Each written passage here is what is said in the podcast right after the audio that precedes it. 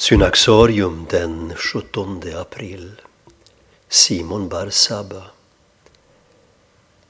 Den 14 Nisan år 341, när de syriska kristna firade långfredag, blev katolikos Simon Barsaba i Selevkiatse font martyr tillsammans med hundra av sina närmaste medarbetare. De var alla biskopar, präster och diakoner i den östsyriska kyrkan.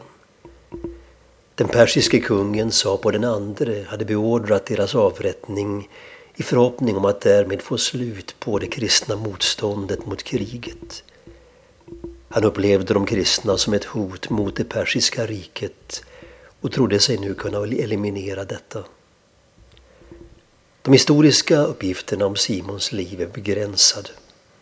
Han blev vald till katolikos, sin kyrkas överhuvud, i Selevkia Tesifont efter att hans företrädare hade blivit avsatt men fick vänta med att börja utöva sitt ämbete tills denne var död.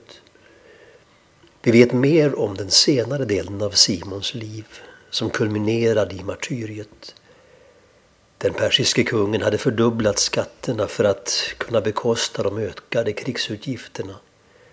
Simon som såg i vilken djup fattigdom många av de troende levde vägrade lyda kungens dekret. Som en hämndaktion iscensatte kungen svåra förföljelser mot de kristna.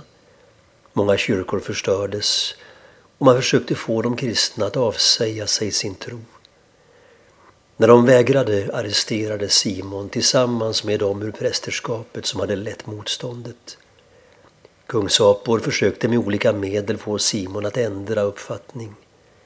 Han krävde att han skulle förneka sin tro och tillbe solen och de hedniska gudarna, men inget fungerade.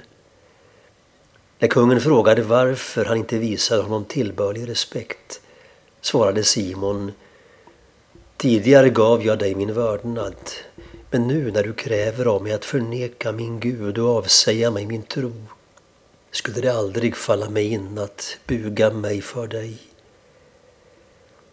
Efter att ha sett sina bröder dö för svärdet, en efter en, fördes han själv fram till stocken där han halshuggs. Minnet av Simon Barsaba firas framförallt i de assyriska och kaldeiska kyrkorna, men även i den bysantinska kristenheten.